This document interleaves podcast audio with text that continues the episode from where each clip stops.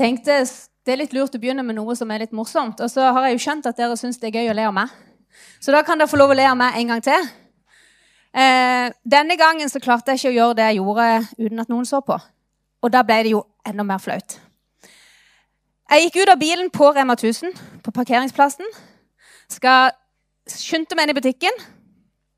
Og der altså, går jeg nesten på trynet. sånn du, nesten bare, du ser det for deg i sakte filmen, så klarer du akkurat å hente deg inn. Og der sitter det to personer i bilen og ser på. Så sier jeg til hun i butikken at ja, det er glatt på parkeringsplassen. der, sier jeg. Ja, det er ikke så mye å få gjort med det, sier hun. Så går jeg ut igjen. Samme plassen så går jeg på trynet. Foran akkurat de samme folkene som så meg gikk inn. Åh, æsj, Så kjente jeg OK.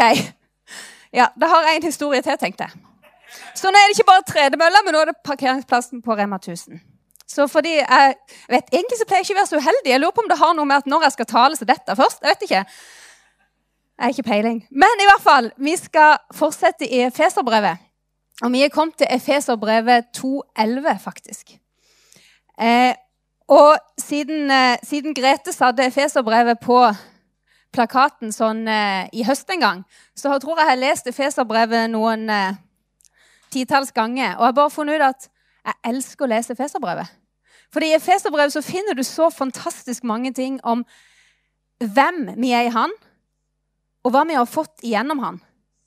Og det å bare kunne se det og få en større forståelse av hva det betyr for oss.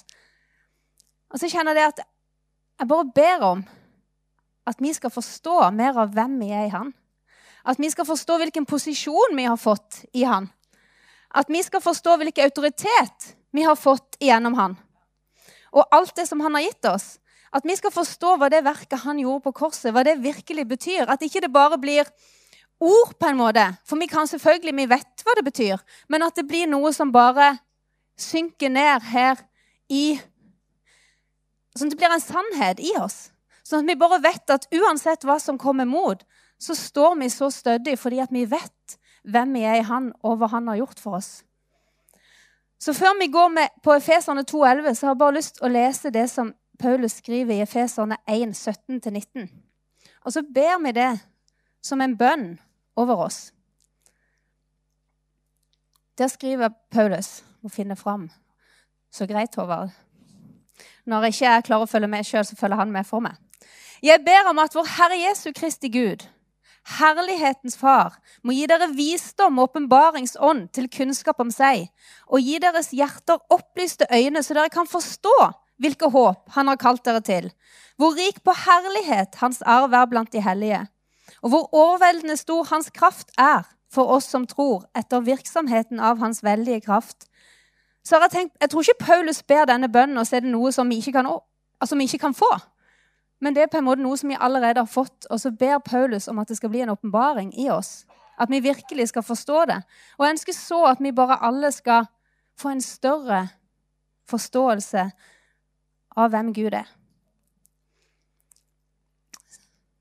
Skal jeg prøve å finne fram denne her, og så kan jeg styre.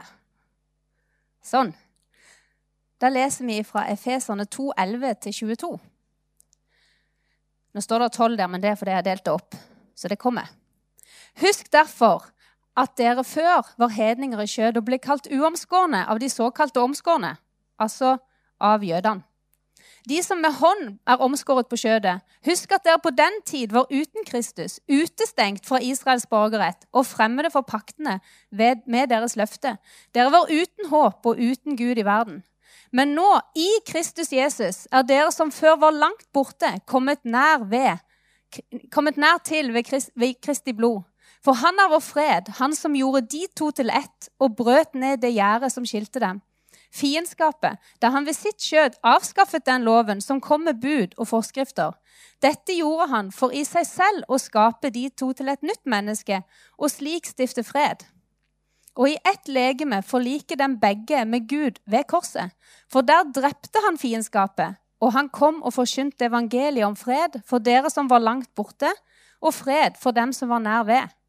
For gjennom han har vi begge adgang til Faderen i en ånd. Så er dere da ikke lenger fremmede og utlendinger, men dere er de hellige medborgere og Guds husfolk, bygd opp på apostlene og profetenes grunnvoll, og hjørnesteinen er Kristus Jesus selv. I ham blir hele bygningen føyd sammen og vokser til et hellig tempel i Herren.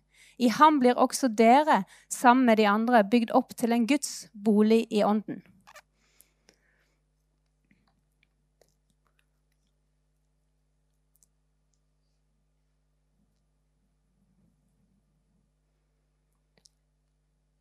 Før dette så skriver Paulus.: For vi er Hans verk, skapt i Kristus til gode gjerninger, som Gud forut har lagt ferdig for at vi skulle vandre i dem.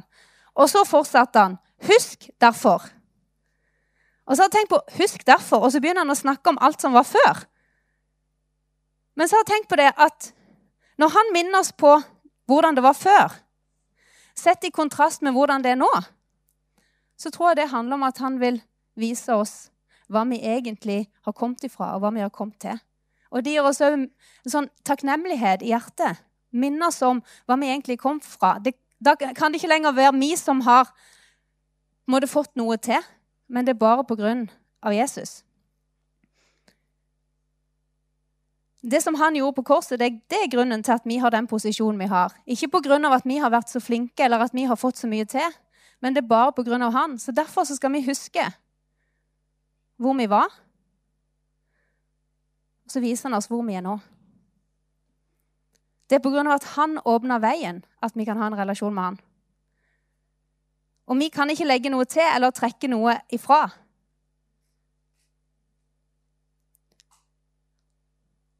Hvis vi leser, så står det Før så var vi langt borte, men nå er vi kommet nær ved Jesu blod. Før så var vi hedning, var på en måte på utsida, men nå er det ikke lenger noe skille. Før så var vi uten Kristus, men nå har vi adgang til Faderen. Før så var vi utestengt fra Israels borgerrett, men nå er vi ikke lenger utlendinger. utlendinger. Vi er medborgere. Før så var vi fremmed for paktene og fremmed for løftene, men nå er vi ikke lenger fremmede. Før så var vi uten håp, men nå er vi faktisk Guds husfolk. Før så var vi uten Gud, men nå er vi en del av Guds bolig i ånden. Så Paulus skriver hva vi var før, men så skriver han òg hva vi er nå. Og den kontrasten det gjør at vi ser hva vi egentlig har fått. Og alt det vi har fått, det har vi fått bare på grunn av Jesus. Så skriver Paulus Men dere som var før langt borte, er kommet nær ved Jesu blod. Og så forklarer han ikke så mye mer. Men så tenkte jeg på men dette uttrykket Jesu blod, eller Kristi blod, det sier så mye mer enn bare altså Når du bare får ordet, så tenk, leser du det bare, og så tenker du ikke så mye mer over at ja, selvfølgelig, Jesus døde på korset, og det er pga. hans blod at vi er rensa. Men det er så mye mer i det. I Jesu blod så er det tilgivelse for all synd. Du har fått et nytt hjerte. Du har fått nåde mot all urett som er gjort. Du har fått rettferdiggjørelse. En evig forløsning. Du har fått mulighet til en nær relasjon med han og fred med han. Du har frihet fra loven. Du har adgang til Gud. Og I Kolosserne så står det at, han, at Gud stiller, seg, stiller, oss framfor seg som hellige, ulastelige og ustraffelige. Og så står det også at, er det òg at Jesu blod det gjorde at maktene og myndighetene er avvæpna. Det er på en måte ikke noe De har ikke noe våpen lenger for Jesus gjorde alt ferdig. Og så bruker Paulus ordet fred. Han sier 'Han er vår fred'. I Filippene så skriver Paulus om Guds fred som overgår all forstand. Men her så skriver han at det er han, altså Jesus, som er vår fred. Så fred, altså den freden som vi egentlig har i oss, det er personen Jesus. Og det er ikke en fred som er avhengig av hvordan jeg hadde det i går, eller hvordan jeg har det i dag. Men det er en fred som er konstant, fordi det er Jesus som er vår fred. Det betyr jo faktisk at uansett hvordan det stormer, så er fortsatt freden der, for Jesus er fred. Det er han som er vår fred. Det betyr at eh, om det rokker i fundamentet, så er fortsatt Jesus vår fred, fordi han er stabil. Han, det er personen Det er ikke sånn at vi Guds fred som overgår all forstand. Vi kan noen ganger tenke at ja, den kommer og den går. ikke sant? Men når vi har tatt imot Jesus, så er jo Jesus vår fred. Og der tenk, Jeg tenkte på den Peter når han sitter i fengsel. Han har blitt tatt i, til fange rett før påske. Så må han sitte i fengsel over påske, for de kan jo ikke dømme. De kan ikke henrette noen eh, i påskehøytida. Så han må vente til etterpå. Så han ligger der, og dagen før han skal stilles fram, så står det at han sov imellom vaktene. Så tenker jeg Da er du ganske rolig. Men hvorfor var han rolig? Det var jo ikke pga. han sjøl. Men det var jo fordi at han hadde jo Guds fred som overgår all forstand. Jesus var hans fred. Han visste hvem som var herre i hans sitt liv.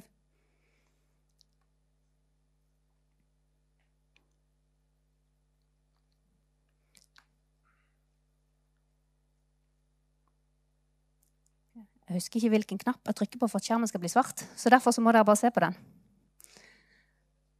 Hæ? Han er svart. Det er bare der han ikke er svart. Så fint. Det er godt at jeg ikke snur meg så mye. Og så tenkte jeg på resten av, eh, resten av dette her. Når Paulus har snakka om hva vi var før, og hva vi, hva vi, er nå, så tenkte jeg Det han snakker om etterpå, er jo at vi er ett lag. Ikke sant? Vi er ett lag. Det er ikke sånn at det er et A-lag og et B-lag. At jødene på en måte var A-laget, og så kom vi som B-laget. Fordi vi på en måte blir bare Vi får så vidt komme inn. Men det er bare ett lag. Vi har fått del i akkurat det samme gjennom Jesus. Så når Paulus snakker om fred, så snakker han òg om fred imellom jødene og hedningene. Og det er jo litt kanskje ikke vanskelig sånn for oss å forstå i og med at alle uroligheter som er nede i Midtøsten. Men sånn i forhold til at han skulle skrive det, så handler jo det om òg f.eks. at i tempelet så var det en fysisk skillevegg. Hvor eh, hedningene kunne komme hertil, men absolutt ikke lenger. Og Det sto til og med et skilt på døra, eller på veggen at det kan ikke komme lenger enn dette. Men så skriver Paulus her at det er tatt vekk. Hele skillet er tatt vekk. For det at vi har alle adgang. Alle, uansett om vi er, om vi er fra den eller den nasjonen, eller om vi er mann eller kvinne, om vi er bonden eller fri, eller hvor vi skulle komme fra, hvilken status vi har, så er det faktisk på samme måte vi kommer til Gud. Jeg kan ikke prøve, prøve på en måte å Jeg tenkte på det. Hvis vi hadde sett for oss her at lista var at vi skulle hoppe opp til taket helt der oppe ikke sant? Det var liksom standarden for loven. Så kan det være at de som sitter på galleriet, de hadde kommet litt høyere. Eh, men jeg Altså, ingen av oss hadde jo nådd opp. Men så tenkte jeg på det at det Jesus egentlig gjorde, det var jo at han nådde opp til standarden. Han oppfylte loven. Så lista den er jo her nede. Sånn at alle kan nå opp fordi det er ikke noe å nå opp til. For det er bare å ta imot Jesus. Er dere med på bildet mitt? Det er bare Jesus. Det handler ikke om hva vi kan prestere eller hva vi kan gjøre. For vi kan ikke legge noe til eller trekke noe ifra, uansett hvor mye vi prøver. Eh, så hvor flink jeg er til å tale, har ingenting til å si for min frelse. Eller hvor flink eh, Thomas er til å spille gitar, har ingenting å si. For det er ikke, det er ikke standarden vi setter, som vi gjerne setter med våre menneskelige øyne som er det som gjelder for Gud, det er bare det Jesus gjorde. Det har vi har tatt imot Jesus. Og der står vi alle likt innenfor Han. Og så var det heller ikke sånn, for vi, vi jo, Det hadde sikkert vært mye lettere for jødene, har jeg tenkt, hvis på en måte Gud hadde gjort det sånn at for jødene var det den ene veien, så var det på en måte det samme. Mens for oss andre så var det en annen vei. ikke sant? Det hadde kanskje vært lettere for jødene å akseptere at de på en måte var litt, altså at de fikk på en måte en sånn spesiell vei. Men det er ikke sånn. Det er faktisk akkurat den samme veien. Gud gjorde noe nytt. Han gjorde oss alle til samme lag, eller samme kropp, som Paulus bruker. Han gjorde oss alle til samme. Vi er for det samme. Vi går mot det samme, og det er samme veien. Og veien, den er Jesus.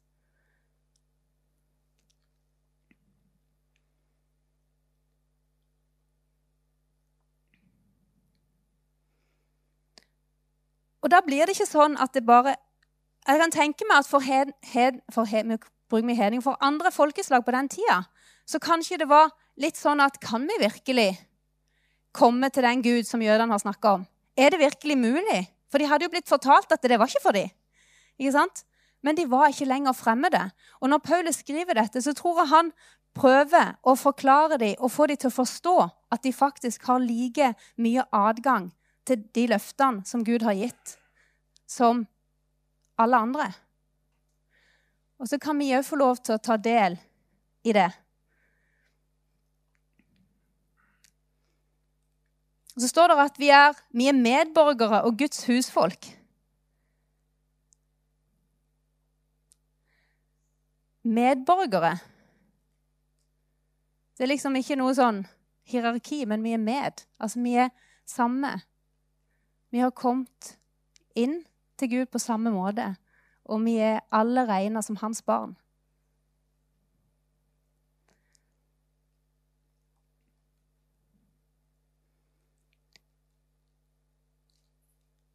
Og så snakker Paulus om bolig i ånden, og det kan jo være litt sånn uttrykk som eh,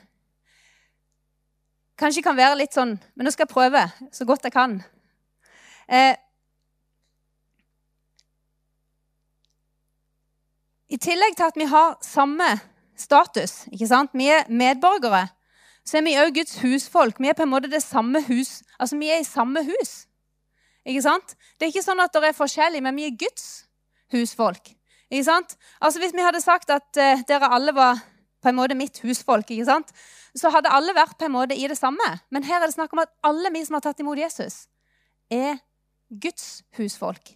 Vi er på en måte kommet inn til Han. Og så står det òg videre at vi er en del av Guds bygning, Guds bolig. Og vi er bygd opp på apostelen og profetenes lære. Det er Bibelen. Det er faktisk Guds ord som er fundamentet. Det er der vi er bygd opp på. Og så Når vi leser om de første kristne og apostlene, så leser vi at de holdt fast på apostlenes lære, brødbrytelsen og bønnene. Og så kan Dette bildet med bolig eh, og med steiner og bygge, det kan vi òg lese om i Korinterbrevet. Men der bruker Paulus dette bildet på en litt annen måte. Der sier han at det er Jesus som er grunnvollen. Men der snakker han om at vi er bygningsmenn. Men nå snakker han om at vi er steinene. Vi er på en måte steiner som bygges til en Guds bolig. Og hvor Jesus er hjørnesteinen. I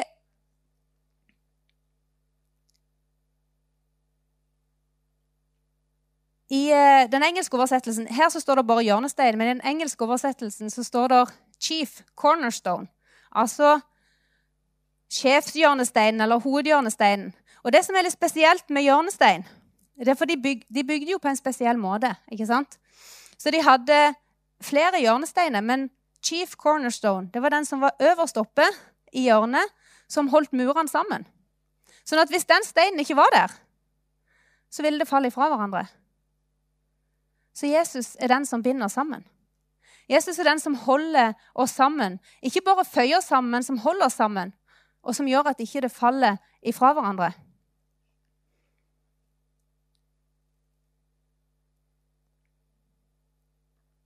Og så er vi, en, vi er sammen et tempel for Den hellige ånd. Det betyr at vi sammen så har vi Den hellige ånd. Men så skriver også Paulus om at Den hellige ånd bor i oss, i hver enkelt av oss. At vi er, hver enkelt av oss er tempel for Den hellige ånd. Og så tenker han om Dette gjelder på tvers av nasjoner. Det gjelder på tvers av alt. Altså, vi er sammen. Vi, står, altså, vi er sammen. Og det samme Paulus bruker bildet kropp. Og det kan være litt sånn kropp. Men Paulus bruker det bildet fordi at hvis du har en kropp, så er jo alle lemmene viktige. ikke sant? Armen min er viktig, foten min er viktig. Og når du bruker eh, bildet bygning, så var det jo sånn at alle steinene der var jo viktige. For hvis det var tre-fire steiner som var borte, så ville det være hull. Ikke sant? Alle steinene er viktige. Så det er sammen vi er. Og så tenker jeg jo det at litt sånn som Grete begynte med her, at det sier noe om menigheten. Det sier noe om hele den store menigheten, som er alle som har tatt imot Jesus. Men det sier jo noe om den lokale menigheten. Det er ikke, et, det er ikke en solospill, men det er noe vi gjør sammen. For det er sammen vi går for det Gud har kalt oss til. Det er sammen vi er bygd opp til en bolig. Det er sammen vi er Kristi kropp eller Kristi legeme. Det er ikke det er et felles prosjekt. Vi er på en måte et lag. Og så er vi på en måte, vi har allerede vunnet seier. Og det er jo det som er så fantastisk. For det er ikke sånn at vi eh, kanskje vinner seier, men Jesus har jo allerede vunnet for oss. Sånn som Vi har allerede, vi er på seierslaget. Og så får vi lov til å bare vite at vi har vunnet, men vi får lov til å spille sammen. Sentre til hverandre, spille på hverandre og bruke det som Gud har gitt hver enkelt. Og de gavene og talentene som han har gitt oss.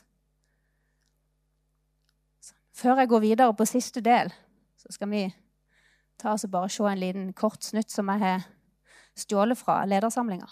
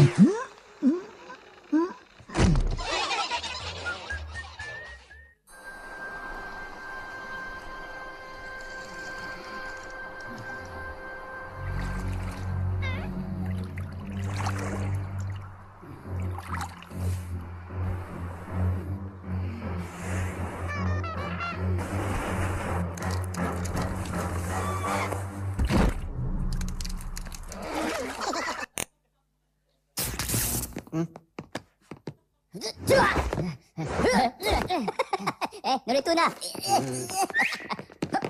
Help! Wimpo!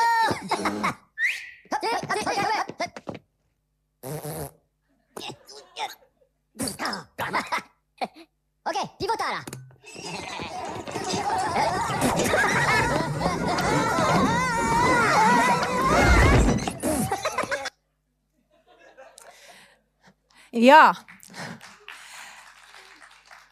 Her er da moralen i denne historien at sammen så er vi sterkere, og sammen så får vi det til. Men det er Jesus som er For oss er det Jesus som allerede har vunnet seier. Og det er på grunn av han at vi gjør det sammen. Så skal vi ta og så gå til Efeserne 3.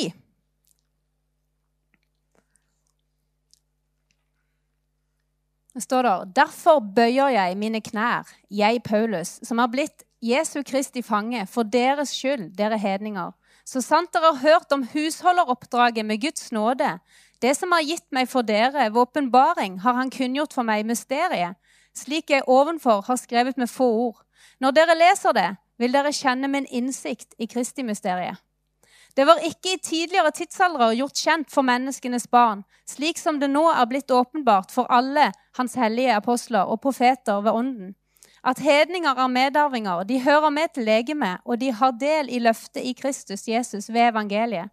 For dette evangelium er jeg blitt tjener i kraft av den Guds nåde, nådes gave som har gitt meg ved virksomheten av Hans kraft. Til meg, den minste av alle de hellige, ble den nåde gitt å forkynne hedningen evangeliet om Kristi uransakelige rikdom og opplyse alle om hvordan husholdningen er, er med dette mysteriet som har vært skjult fra evige tider i Gud, Han som skapte alt ved Jesus Kristus. Slik skulle Guds mangfoldige visdom nå gjennom menigheten bli kunngjort for maktene og myndigheten i himmelen. Dette var hans forsett fra evige tider, som han fullførte i Kristus Jesus, vår Herre, i ham har vi frimodighet, og ved troen på ham har vi adgang med tillit. Skal vi ikke ta alle versene her heller? Det, da blir det litt langt. Jeg fant ut når jeg forberedte meg at hvis jeg skulle virkelig bare gjøre, ta alt sånn som jeg Så hadde dette blitt veldig langt. Da hadde det blitt ikke bare en lørdagsbibelskole, men en søndagsbibelskole i tillegg, tror jeg. Ok, Paulus han sitter i fengsel i Rom. Og han er tatt til fange fordi han forkynner evangeliet. Og Når han da skriver 'for deres skyld, deres, dere hedninger', så handler det jo om at det var av at han forkynte til hedningene at han var satt i fengsel. Det var jo ikke fordi at Altså, han vet hva han har fått i oppdrag, og han visste hva han skulle gjøre. Og han forkynner uansett hva omstendighetene er. Og så havner han i fengsel. Han vet han er i Guds kall.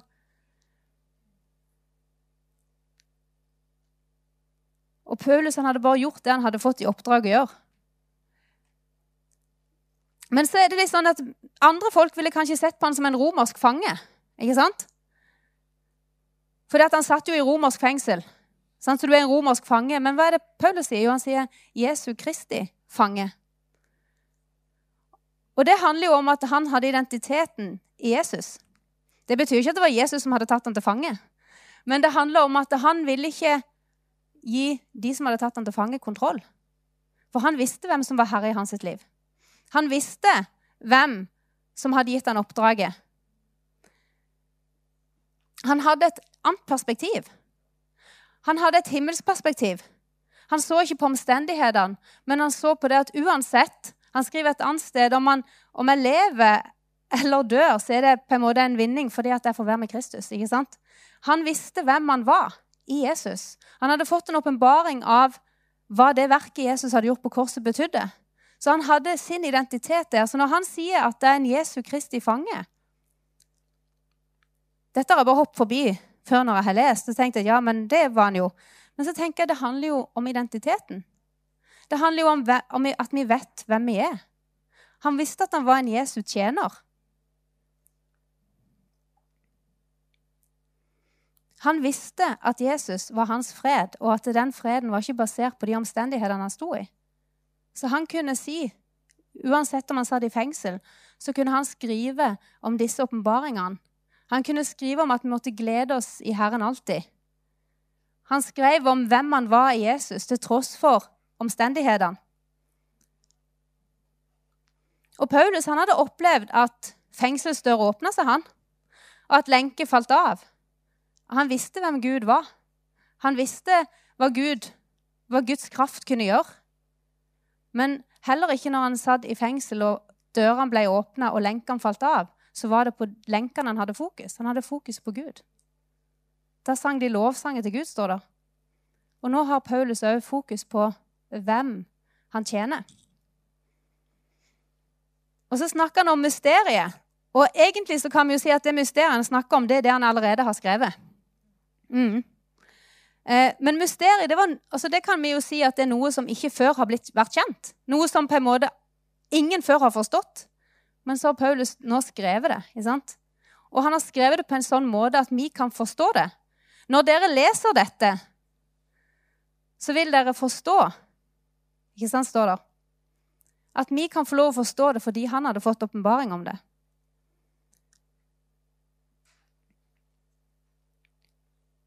Og jeg tror når Paulus har først en bønn i kapittel 1, og så det som kommer neste søndag, det er den bønnen som er i kapittel 3 Når de bønnene handler om visdom og forståelse, så det, handler, tror jeg Paulus tenker at det er så viktig at vi alle forstår det. Det er så viktig at vi alle bare får dette som en sannhet i våre hjerter, hvem vi er i Han. For det er når vi vet hvem vi er i Han, at vi kan stå stødig. Og det er på grunn av Jesus at vi har fått del i alt. Jeg tror Paulus han bare brant sånn for at vi virkelig skulle forstå hva det betydde. At vi virkelig skulle se hva vi var kalt til. At vi virkelig skulle se hva vi hadde fått i Han. Og det tror jeg er mulig, for hvis ikke så hadde han ikke skrevet det.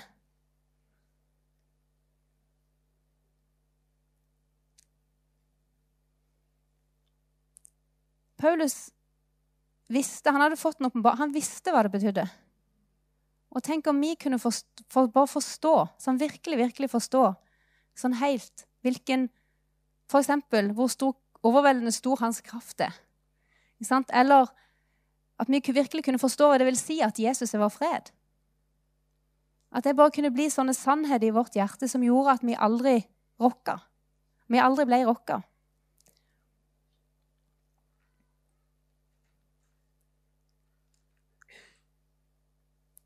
I, eh, i Kolosserne 1.27 så står det dette mysteriet har vært skjult fra evigheten av og gjennom alle slekter. Nå har det blitt åpenbart for Hans hellige. For dem ville Gud kunngjøre hvor rik på herlighet dette mysteriet er blant hedningefolket. Det er Kristus i dere, håp om herligheten. Tenk deg Kristus i oss. Det er det som er mysteriet.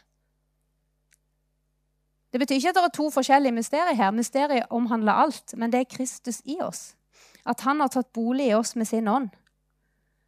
Vi, er, vi har fått Den hellige ånd på innsida. Det er ikke sånn at vi må streve for på en måte å få tak i noe, men vi har allerede fått det på innsida. Det er Kristus i oss.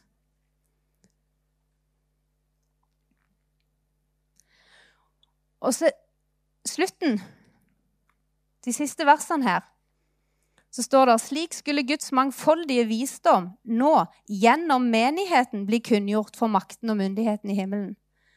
Gjennom, gjennom menigheten. Så skal Guds mangfoldige visdom, altså Guds visdom, skal bli kjent for makt og myndighet gjennom menigheten.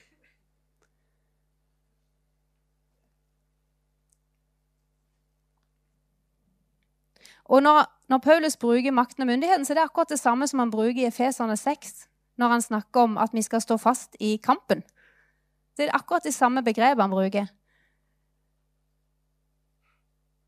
Og Paulus han ber da om at vi må få visdom og åpenbaringsånd som vi kan forstå, som vi kan se. At våre øyne må bli opplyst, som vi kan se.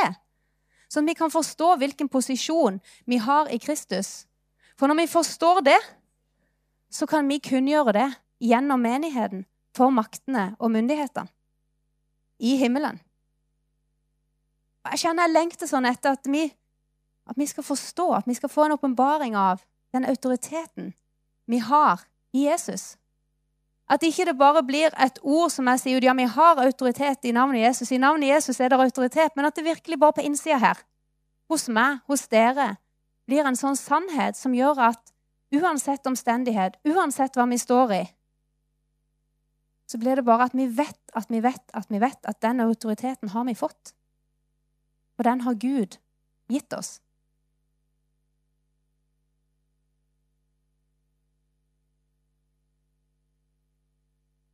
Mia, du kan gjerne komme opp. Og så står det I siste vers så står det, i ham har vi frimodighet, og ved troen på ham har vi adgang med tillit.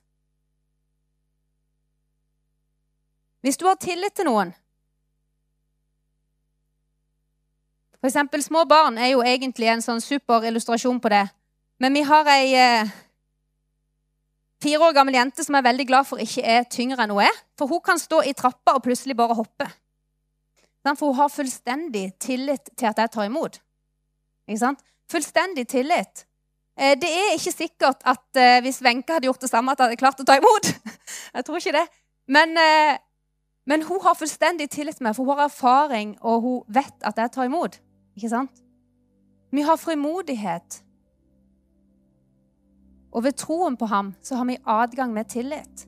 Det at vi har adgang med tillit, det betyr at når Jesus åpner veien inn til det aller helligste, når han åpner veien inn til relasjonen med han, det at vi har adgang med tillit, betyr at vi faktisk kan komme inn sånn som vi er, fordi vi vet at vi er satt fri. Vi vet at det er ikke avhengig av hva vi har gjort, eller hva vi kommer til å gjøre, for han har betalt for alt. Han har gjort alt ferdig. Vi kan få lov å ha tillit til at uansett hvilken storm vi står i, så kan vi gå til han. For han endrer seg ikke. Han er i går og i dag den samme, står det. Ja, til evig tid. Hos han er det ingen forandring eller skiftende skygge. Det kan jo være at hvis Emilia hadde hoppa, ikke hadde fulgt med, at de ikke hadde klart å ta imot. Men sånn er ikke Gud. Gud er der uansett. Og vi kan få lov, med troen, å ha adgang med tillit. Og så er det ingenting som kan skille oss ifra Guds kjærlighet. Fordi at Jesus gjorde alt ferdig. Det er ikke sånn at jeg klarer og gjøre noe som gjør at det skiller meg fra hans kjærlighet. Det eneste Det står at han elsker verden så høyt. Så han elska oss og døde for oss mens vi ennå var syndere. Men når vi har tatt imot Han Og det er det det handler om, om vi har tatt imot Han. Da kan vi med troen komme til Han med tillit.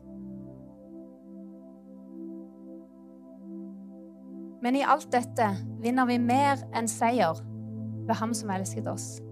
For Jesus har allerede vunnet.